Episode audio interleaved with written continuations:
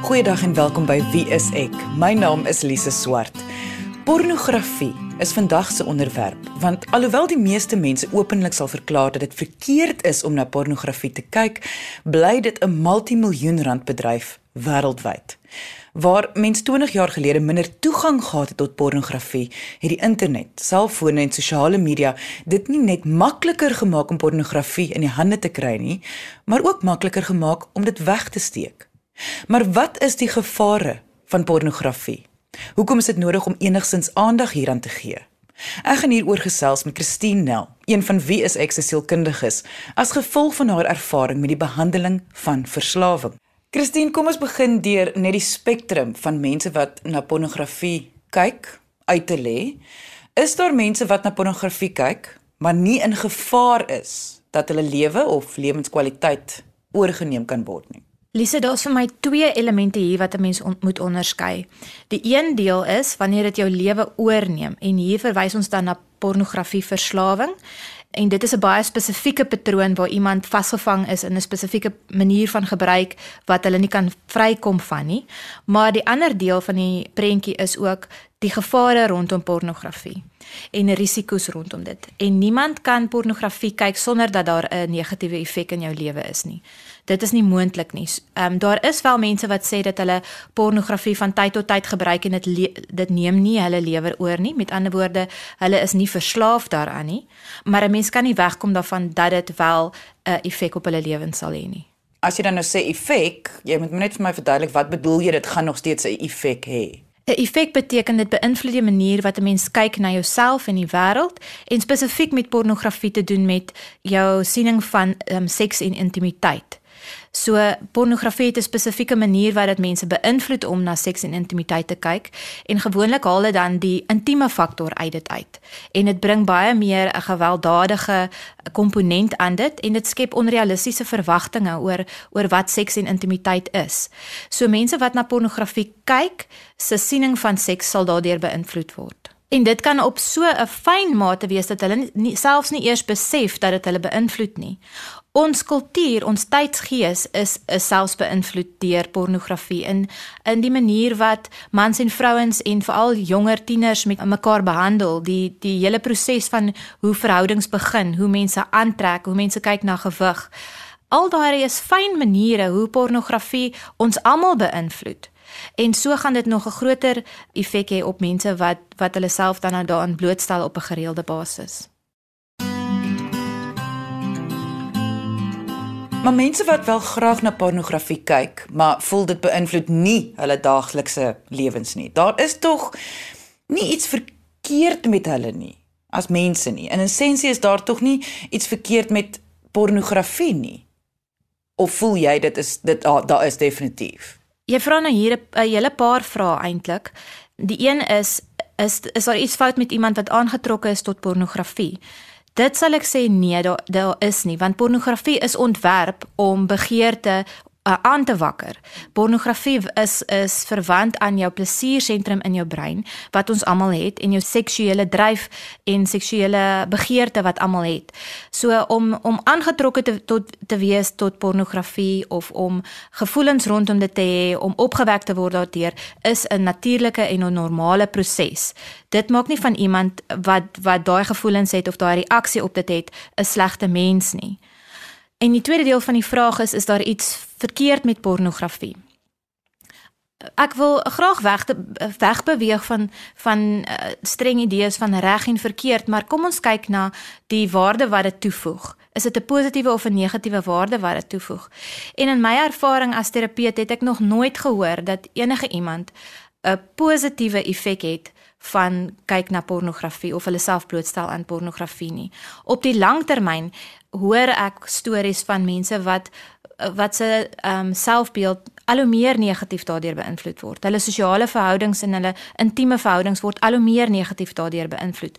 Hulle gemoed word negatief beïnvloed.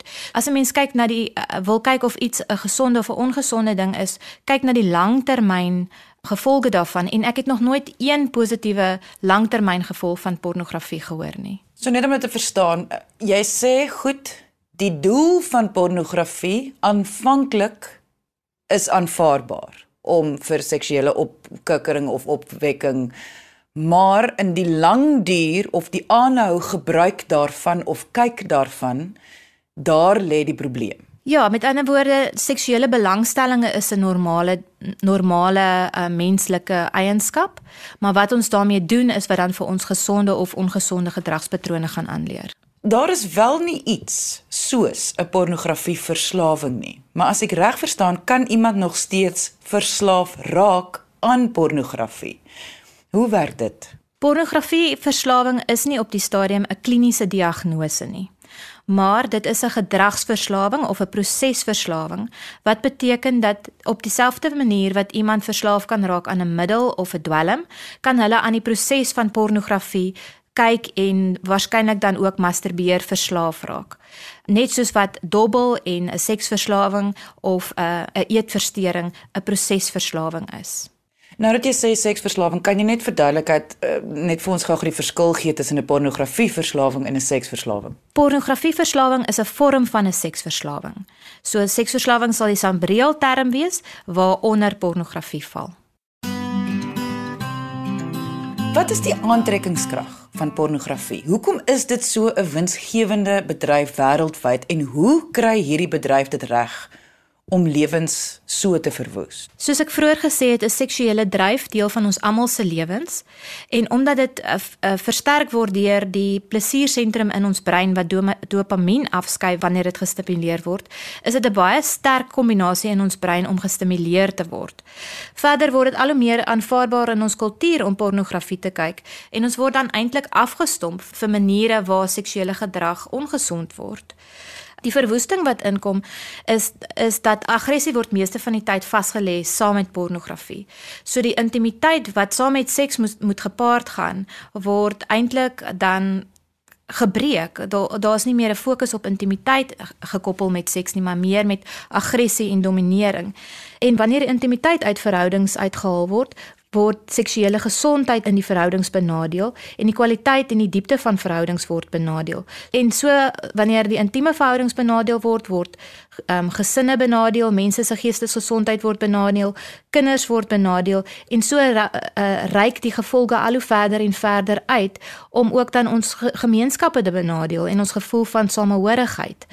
So dit het, dit is 'n rimpel-effek wat ver uitstrek en begin by die afbraak van intimiteit in nabye verhoudings. Wat ek nogal wonder is, sou mens nie ook kon sê dat omdat die wêreld en die mense binne in die wêreld al hoe meer afgesluit raak van mekaar as gevolg van tegnologie, dat pornografie al hoe meer 'n opsie raak om ek wil amper sê 'n valse gevoel van intimiteit te ervaar.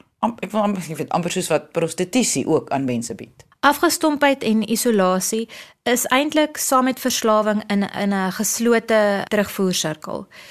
Die een lei na die ander een. Hoe meer afgestomp en geïsoleerd ek raak, hoe meer is ek kwesbaar vir verslawing. Hoe meer verslaaf ek raak, hoe meer afgestomp en isoleer gaan ek sal ek raak. En so so sal dit aangaan en ons seksuele gesondheid en ons verhoudings net verder en verder uitmekaar uitval seksuele gesondheid beteken dat daar is 'n gevoel van warmte in 'n verhouding. Daar's 'n gevoel van verbondenheid.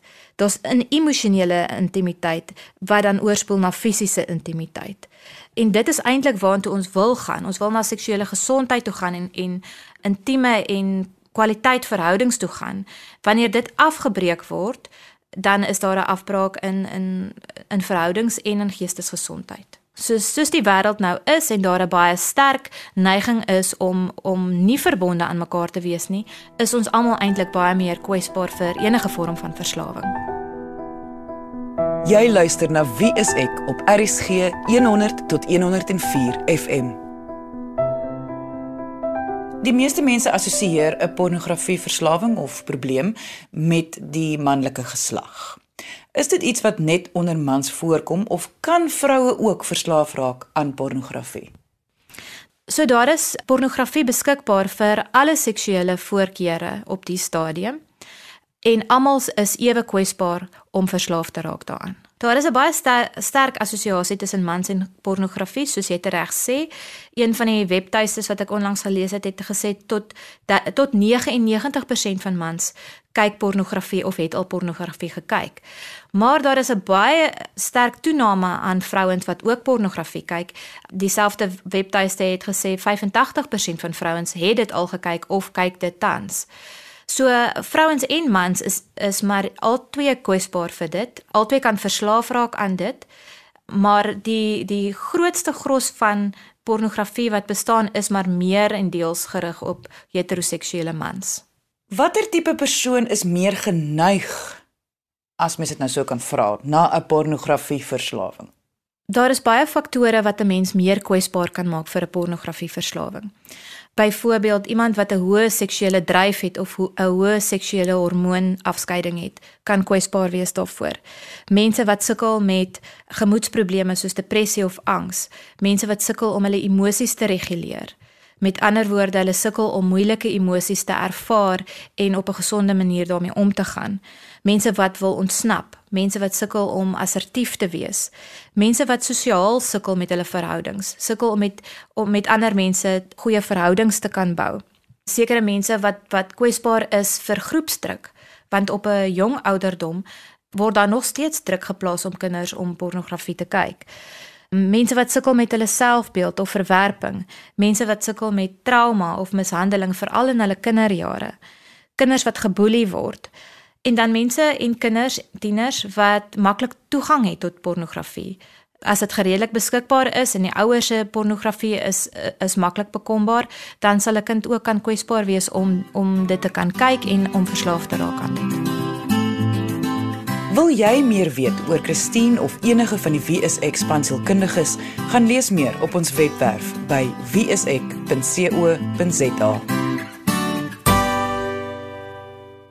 Indien jy nou eens ingeskakel het en meer wil weet oor hierdie onderwerp, kan jy na die potgooi gaan luister op RSG se webwerf by rsg.co.za.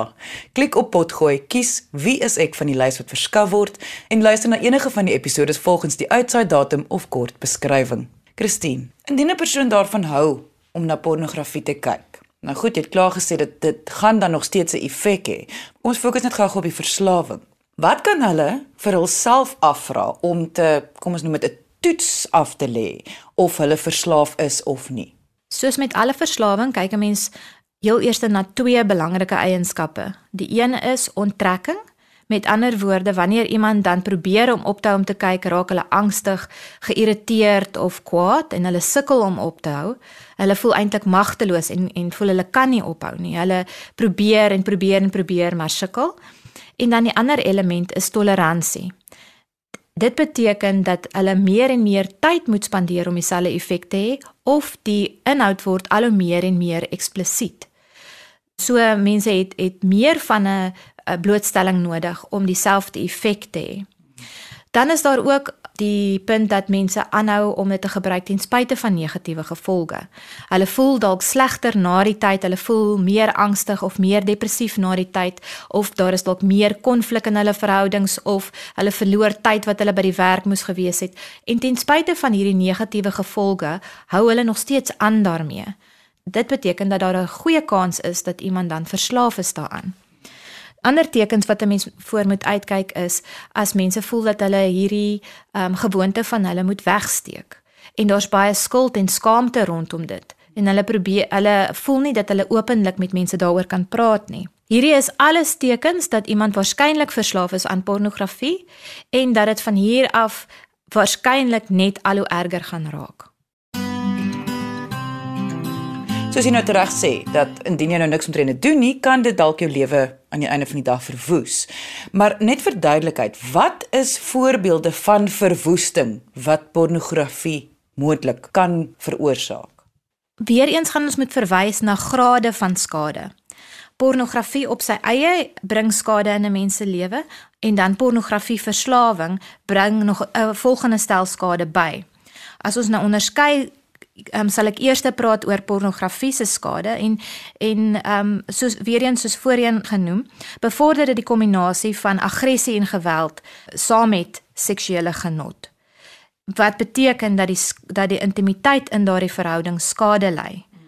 Dit lei ook tot onrealistiese verwagting van 'n mens self en die ander persoon. By jong seuns leer hulle byvoorbeeld dat ehm um, jy net ehm um, seksueel begeerlik is as jy baie groot genitalie het of as jy of as dit vir jou moontlik is om vir 'n baie lang tyd 'n ereksie te behou. Dit skep dan by hulle ook baie hoë verwagtinge van wat die ander persoon in die seksuele situasie moet doen. Dit minimaliseer dan die intimiteit en warmte van die seksuele daad.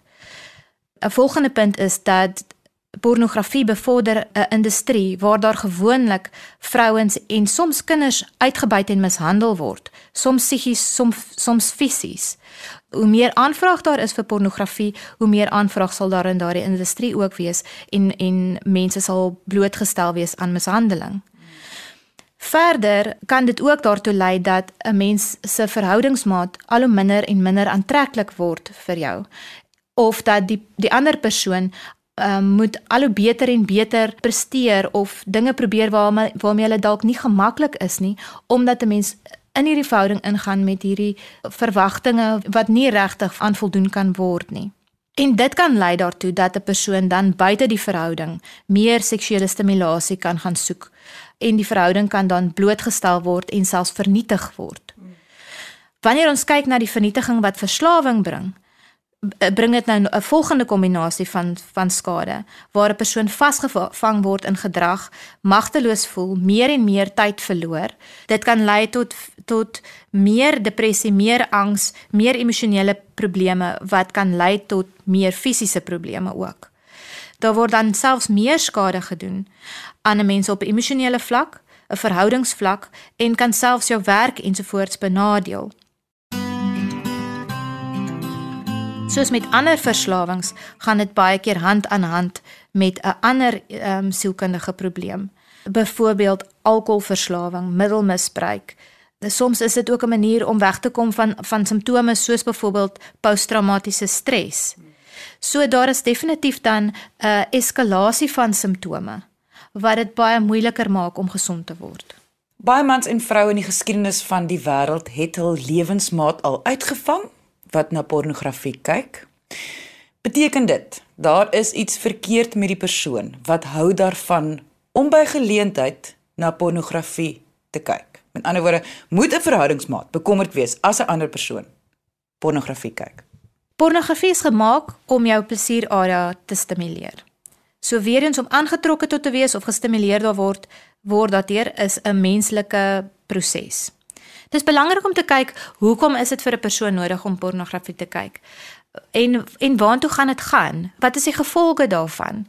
En om 'n oop dialoog daaroor te hê, dink ek is is van kardinale belang dat albei partye in die verhouding kan praat oor hulle sienings daaroor, hulle behoeftes daar rondom en hoe dit hulle verhouding beïnvloed. Wanneer 'n mens uit 'n veroordelende oogpunt uitkom, is dit baie moeilik vir die ander party om dan 'n goeie gesprek daaroor te kan hê.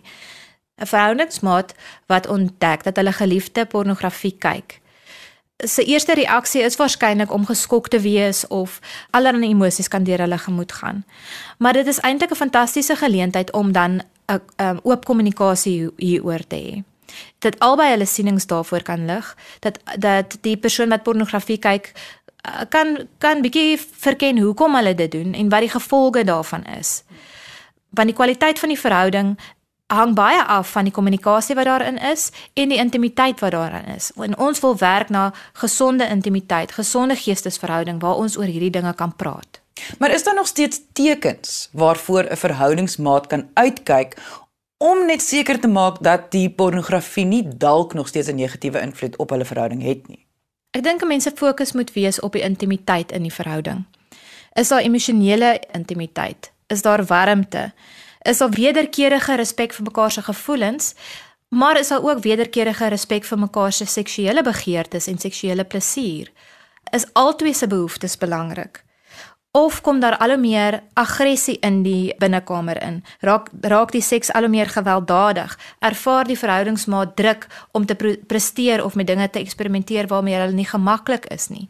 Of seks word dalk weerhou van iemand omdat hulle dit nie reg doen nie? Maar 'n Mens kan ook sê dat dat daar probleme met intimiteit kan wees sonder dat daar pornografie na pornografie gaan kyk kan word. Ek beskryf nou maar net hoe ongesonde intimiteit gesonde en ongesonde intimiteit lyk. Like. As 'n mens van buite af kyk na ander tekens, sal 'n mens sien dat 'n persoon al hoe meer en meer tyd spandeer aan pornografie en dat daar ander belangrike verantwoordelikhede is wat nie nagekom kan word nie. 'n Mens kan ook sien dat iemand dan dinge probeer wegsteek want hulle voel skaam oor wat hulle doen of hulle wil nie 'n gesprek daaroor hê of hulle wil nie konflik daaroor hê nie. Hulle is dan baie verdedigend teenoor hulle gebruik of sal dit ontken. Iemand wat dan probeer ophou kan ook baie geïrriteerd en angstig raak wat 'n teken is van onttrekking. Ehm um, hulle kan self cravings ervaar. Ehm um, begeertes na dit hê op tye wat hulle dit nie kan kry nie. Dit is alles tekens aan die gedrag wat 'n mens kan uitkyk om te kyk of die pornografie gebruik 'n probleem is. Jy luister na Wie is ek op RCG 100 tot 104 FM. Hoe kan iemand self hul pornografie kompulsie aanspreek. Om 'n kompulsie of 'n verslawing op op jou eie te breek is ontsettend moeilik.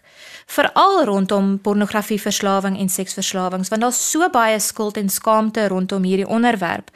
En daar kom baie komorbiede uh kondisies saam met dit. Dit beteken ander geestesgesondheidsprobleme wat gelyktydig met dit kan voorkom. Soos byvoorbeeld posttraumatiese stres, depressie, sosiale angs of algemene angs. Dit is bitter moeilik om dit self te probeer aanspreek.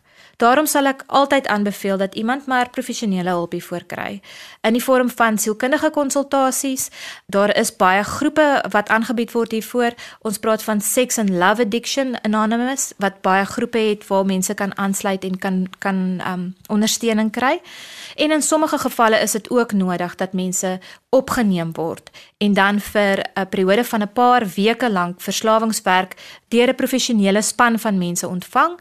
Dit is baie keer nodig wanneer mense dan nie op 'n buitepasiënt basis die siklus kan breek nie. Maar 'n mens kan altyd maar eers begin by 'n assessering deur 'n sielkundige om vas te stel hoe ver is my verslawing en en watter skade het dit op my al aangerig.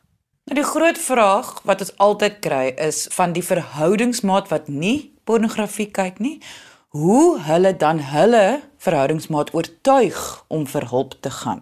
'n Mens kan nie iemand oortuig om te gaan vir hulp wat nie vir hulp wil gaan nie. Maar 'n mens kan wel sê hoe jy daaroor voel en hoe dit jou affekteer. En en dan die persoon aanmoedig om te gaan vir hulp. As hulle nie wil gaan nie, kan jy self gaan. En dan het jy ten minste 'n neutrale klankbord waar jy gedagtes kan met iemand kan toets en ondersteuning kan kry vir jou. En om seker te maak 'n mens doen nie iets wat wat die ander persoon se probleem in stand hou nie, want dan dan kan loop 'n mens ook die gevaar om in 'n mede-afhanklike verhouding te staan waar albei eintlik afhanklik is van 'n ongesonde patroon. Ongelukkig is daar nie 'n manier wat 'n mens iemand kan dwing om te gaan vir hulp nie. Hulle sal dalk aanmeld vir die sessie, maar dit beteken nie hulle gaan oop wees om te werk nie. Vir baie mense is pornografie 'n onderwerp wat ver verwyderd is van hul eie lewens. So, hoekom is dit nodig om hierdie meer openlik te bespreek? Dis maar 'n persepsie dat ons dink pornografie is verwyderd van ons, want dit is so fyn uh, betrokke in ons lewens. As ons dink hoe ons kultuur al gevorm is, wat op musiekvideo's gebeur, wat op sosiale media gebeur, hoe mans en vrouens mekaar hanteer dit beïnvloed ons almal. Maar selfs ehm um, wanneer ons nie nie self daarna kyk nie, het ons verhoudings met mense wat blootgestel word aan pornografie of selfs dit op 'n gereelde basis kyk, 'n verhoudingsmaat of tieners. Dit is baie maklik om jouself vas te loop as jy nie kennis het oor iets nie. En pornografie um, se effek is so verrykend juis omdat mense nie daaroor praat nie en nie kennis daaroor het nie. Daarom wil ons graag die lig op dit werp en mense bewus maak van die risiko's rondom dit en die skades en gevare rondom dit sodat volwassenes meer weerbaar kan wees. Indien jy enige vrae het oor pornografie en die effek daarvan, kan jy ons kontak deur ons webwerf by wieisek.co.za of kom gesels saam op ons Facebookblad onder wieiseksa. Dankie dat jy vandag ingeskakel het. Ons maak weer so. Volgende Vrydag 12:30 net hier op RSG. Jy moet 'n heerlike naweek hê he, en onthou, Kyk mooi na jouself.